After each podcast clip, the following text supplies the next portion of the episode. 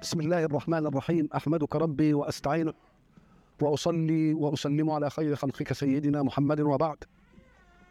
فقد انتهينا في اللقاء السابق إلى خواطرنا حول قول الله سبحانه فإذا قرأت القرآن فاستعذ بالله من الشيطان الرجيم. وانتهينا إلى أن هذه الاستعاذة تصفي النفس البشرية وتعيدها إلى الفطرة الإيمانية حتى تخلصها من وسوسة الشيطان الذي قد يعوق قابلية النفس المطمئنة إلى ما في القرآن من منهج. وقلنا إن القرآن حين يقرأ من أي قارئ يجب أن يتصور المؤمن أنه يسمع الله يتكلم ويلغي المتكلم الواسطة. ولذلك قلنا إن سيدنا جعفر الصادق رضي الله عنه كان يقول عجبت لمن خاف ولم يفزع إلى قول الله سبحانه حسبنا الله ونعم الوكيل الشاهد في هذا قوله فيما بعد فإني سمعت الله بعقبها يقول سمعت الله مع أنه كان يسمع من قارئ أو يقرأ هو ولكن انظروا إلى شدة صفائيته في استقبال كلام ربه في أن الله يتكلم. فإني سمعت الله بعقبها يقول فانقلبوا بنعمة من الله وفضل لم يمسسهم سوء. اذا فقد أعطى سيدنا جعفر وصفة للخوف الذي يعتري الإنسان. الوصفة أن تقول حسبنا الله ونعم الوكيل. لأن كل ما يخيفك دون قوة الله. وما دون كل ما دام كل ما يخيفك دون قوة الله فأنت قلت حسبنا الله ونعم الوكيل في مواجهة ما يخيفني. وعجبت لمن اغتم. والغم شيء غير الخوف. الخوف قلق النفس من شيء تعرف مصدره. لكن الغم كآبة النفس من أمر قد لا تعرف مصدره. عملية معقدة نفسية. وعجبت لمن اغتم. ولم يفزع إلى قول الله سبحانه لا إله إلا أنت سبحانك إني كنت من الظالمين. فإني الشاهد فإني سمعت الله بعقبها يقول فاستجبنا له ونجيناه من الغم. وتلك ليست خصوصية له وكذلك ننجي المؤمنين. يعني أيضا المؤمن الذي يقولها مش يكفي زي مش زي زنون بس ليه لا المؤمنين أيضا. وعجبت لمن مكر به يعني من كاد الناس له. والإنسان لا يقوى على مواجهة كيد الناس وأتمارهم. يوم يفزع إلى رب هؤلاء الناس. وعجبت لمن مكر به ولم يفزع إلى قول الله وأفوض أمري إلى الله. إن الله بصير بالعباد. فإني سمعت الله بعقبها يقول فوقاه الله سيئات ما مكروا. وعجبت لمن طلب الدنيا وزينتها. كيف لا يفزع إلى قول الله ما شاء الله لا قوة إلا بالله. فإني سمعت الله بعقبها يقول إن ترني أنا أقل منك مالا وولدا فعسى ربي أن يؤتيني خيرا من جنتك. وصفات أربعة لما يعتور النفس الإنسانية من أشياء قد تفسد عليها حياتها وتكدر عليها صفاءها. إذا فاستعاذة قارئ القرآن بالله من الشيطان إعداد للنفس حتى تستقبل كلام الله بصفاء لا يشوبه نزغ من الشيطان. وحين تستعيذ من الشيطان وهو خلق الله تستعيذ بمن؟ بمن خلقه لا يقوى الشيطان على ألا تكون له مواجهة إلا إذا انفرد بك دون خالقك. أما أن تكون في معية خالقك فلن يجرؤ الشيطان أن يذهب إليك أبدا. ولذلك المعية مع الحق سبحانه وتعالى يعطيها الله صورة تخلع قدرته على العاجز. مثلا حينما كان رسول الله صلى الله عليه وسلم في الغار في غار صور في الهجرة ماذا قال له صاحبه أبو بكر؟ أبو بكر يقرر واقعا قال له لو نظر أحدهم تحت قدميه لرآنا. فجوة الغار باينة من تحت. المواجهة كده مسدودة. لكن الفتحة تحت. فلو أن واحدا منهم نظر من تحت قدميه لرأى رسول الله ورأى صاحبه. هذا واقع ما يكذبش ما ينقضش إلا بشيء إيماني جديد. يقول رسول الله صلى الله عليه وسلم لصاحبه ما ظنك باثنين الله ثالثهما؟ اللي تشير إليها الآية لا تحزن إن الله نعم. معنا إذا فأبو بكر مع رسول الله في معية من؟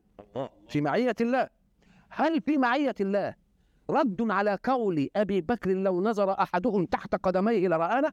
نعم يعني معناه يطمئن فإنه لو نظر أحدهم تحت قدميه لا يرانا إزاي؟ قال لك لأن في معية الله وما دام نحن في معية الله والله لا تدركه الأبصار فكيف تدركنا الأبصار؟ شفت المعية كيف خلعت خلعت على المصاحب لها فكذلك إذا استعاذ الإنسان بالله من الشيطان كان في معية الله. والشيطان لم يدخل في معركة مع الله. وإلا وإنما دخل في معركة مع خلق الله.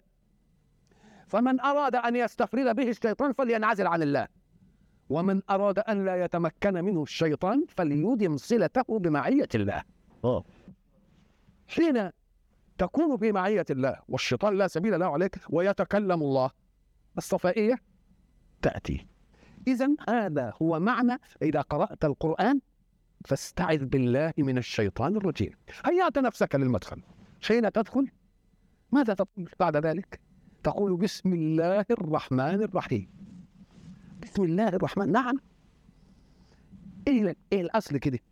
لأن القرآن بدأ مقروءا باسم ربه. فكذلك أبدأ متلوا بسم الله. المسألة واحدة. رسول الله حينما كان في الغار وقالوا الوحي وقال له اقرأ. اقرأ تتطلب امرا أن يكون حافظا شيئا يقرأه.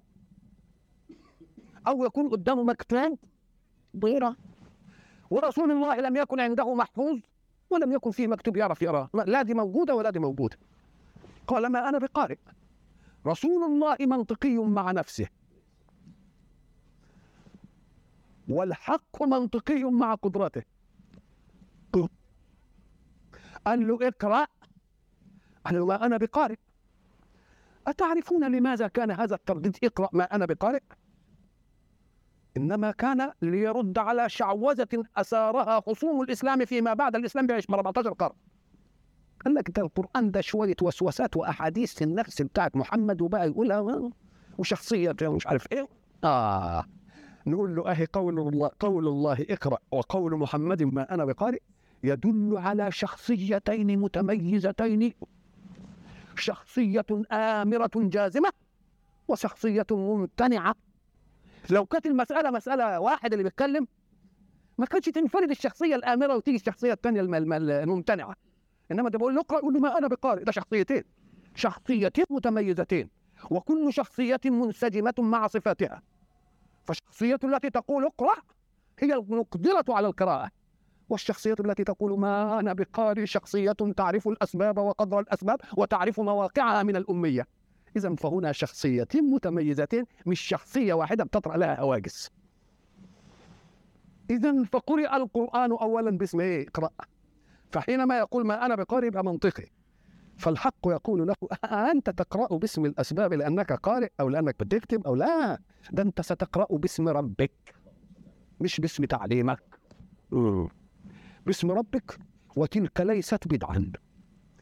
باسم ربك الذي خلق خلق الإنسان من علق. يعني بيخلق من عدم. فكذلك هيخليك تقرأ وإن لم تتعلم القراءة. مش عجيبة عليه الحكاية دي. اقرأ باسم ربك لا باسم أنك تعلمت. الذي خلق خلق الإنسان من علق. اقرأ وربك الأكرم الذي علم بالقلم. علم الإنسان ما لم يعلم. فليه أنت عايز تقرأ مما تعلمته من البشر؟ ولماذا لا تقرأ مما تتعلمه من خالق البشر؟ الله. ليه؟ اشمعنى يعني الأسباب عندكم آه. يبقى إذا ولذلك شوف اقرأ وربك الأكرم. ليه؟ لأنني حين أتعلم القراءة والكتابة من واحد مثلي؟ يبقى ده دليل من كرم الله لأنه نقلها إلي. إنما حين أتعلم من غير ذلك يبقى ده أكرم بقى. يبقى فيه كريم وفيه وفيه أكرم.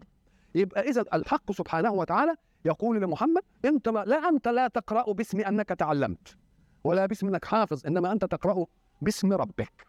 وما دام باسم ربك إذا أراد شأن يقول له كن فيكون يبقى ما تقوليش تعلمت أو ما تعلمتش. فكما أن القرآن بدأ باسم ربك فكذلك نحن أيضا نتلوه بسم الله. بسم الله؟ كلمة بسم الله دي لازم ناخد معناها من زاويتين. الزاوية الأولى فيما نلحظه في لغة البشر. إذا كلمك إنسان في أمر من الأمور ويريد إقناعك به وتنفيذك له تقول له أنت بتتكلم باسم مين؟ يقول لك أنا بتكلم يا سيدي باسم مامور الضرائب. باسم وكيل النيابة. الله إذا جاء م? التي تقهرك على انت لما يجي يقول لك باسم الشعب نحكم مش كده ولا لا؟ لا باسم الدستور. يعني ما المبرر؟ اللي أنت قال لك باسم كذا. آه ما المبرر على إقبالك على أي عمل تعمله؟ أنت ذهبت لتحرث الأرض عشان تديك زرع. أنت لا خلقت الأرض. ولا تعرف عدد العناصر اللي فيها قد إيه ولا البذرة خلقته ولا المية نزلتها من السماء. كل ما في الأمر أنك حرست كده أعملت بفكرك المخلوق لله في المادة المخلوقة لله بالطاقة المخلوقة لله تبقى أنت عملت إيه؟ آه تبقى أنت حين تقبل على الزراعة تقول بسم الله. يعني أنا لا أقبل على أن أزرع باسمي لأنني لا عملت دي ولا عملت دي ولا قدرة لي ولا قدرة لي لارغم الأرض على أن تنبت. وإذا مثلا ذهبت لتشعل مثلا السقاب انت مالكش قدرة على شيء من هذا ابدا. فإذا أقبلت على أي عمل من الأعمال فما هي قدرتك التي ترغم العمل على أن ينفعل؟ ماليش حاجة ابدا. أمال هي إيه؟ تقول ده بسم الله أنا جاي لك بسم الله الذي سخرك ليه آه. يبقى هذا حين تقبل على أي عمل تقول بسم الله أنا أقبل عليك بسم الله الذي سخرك لي وأمرك الا تخرج عن طاعته أمرك أن لا تخرج عن طاعتي لأنك مسخر لي. أما لو أن قدرتي وقدرتك ولا قدرة لي عليك ولا تدخل في طاقتي ولا في استطاعتي. أنا الشمس دخلت في استطاعتنا عشان نقول لها أطلعي. الله الأمر دخل في استطاعتنا الهواء دخل في استطاعتنا عشان نقول له ام الغمام دخل في استطاعتنا إنما بسم الله يعني حصل منه كل ذلك. بسم الله الذي سخر هذا الشيء. اذا فحين تقبل على أي عمل من الأعمال انظر إلى المنفعل لك في هذا العمل. تجد لا قدرة لك عليه. وما دام لا قدرة لك عليه ما رايح تتعامل معاه إزاي؟ قال له أنا أتعامل باسم من سخره لي. باسم من سخره لي. هذه واحدة. الشيء الآخر أنك قد تعمل العمل. وليس في بالك إلا الأمر المادي اللي ينتج من العمل. زي الكافر. زي الكافر إما يأكل إما يشرب إما يحرط إما أعمل أعمل أي حاجة. قال لك هو المؤمن هنا فايدته بقى. يقول أنا بعمل العمل ده لأن الله أباحه لي أو أمرني به. فيبقى في ساعة العمل الائتمار من ناحية المنفعل لأنه سخره. وأنا ما أقبلتش على العمل ده إلا وفي بال الله. يوم لما يبقى في بال الله هستفيد من عطاء هذا وأستفيد عليه ثوابا آخر. ثواب آخر في غير زمنه. هيجي لي في زمن ثاني ولذلك ربنا لما يجي يقول الحمد لله الذي له ما في السماوات وما في الأرض وله الحمد في الآخرة. ساعة المؤمن كده ما يشوف إن عمله اللي عمله في الدنيا لصالح نفسه. وبعدين ربنا اداله عليه جزاء يقول يا سلام ده الحمد لله كمان على الحكاية دي. الحمد لله اولا والحمد لله إيه؟ آه أخيرا يعني المسألة الله. يبقى اذا ساعه تقول في أي شيء بسم الله معناها أنك دخلت عليه بلا حول منك ولا قوة ولا طول وإنما دخلت عليه لأن الله سخره لك. ولو لم يسخره الله لك لما استطاع أن ينفعل لك أو أن يعطيك كمان. ولذلك أنا قلت لكم إن مثلا الأنعام الحيوانات دي إحنا بنستأنسها. في بعض الحيوانات لا نستطيع أن نستأنسها. نستأنس الجمل ويمكن نستأنس الفيل. انما ما نقدرش نستأنس ثعبان قد كده. ولا ديب قد كده. ليه؟ المسألة مش مسألة قوة بقى.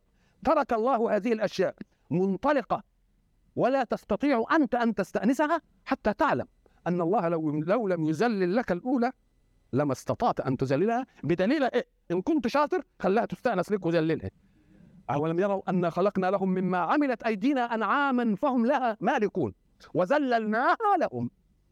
فمنها ركوبهم ومنها يأكلون.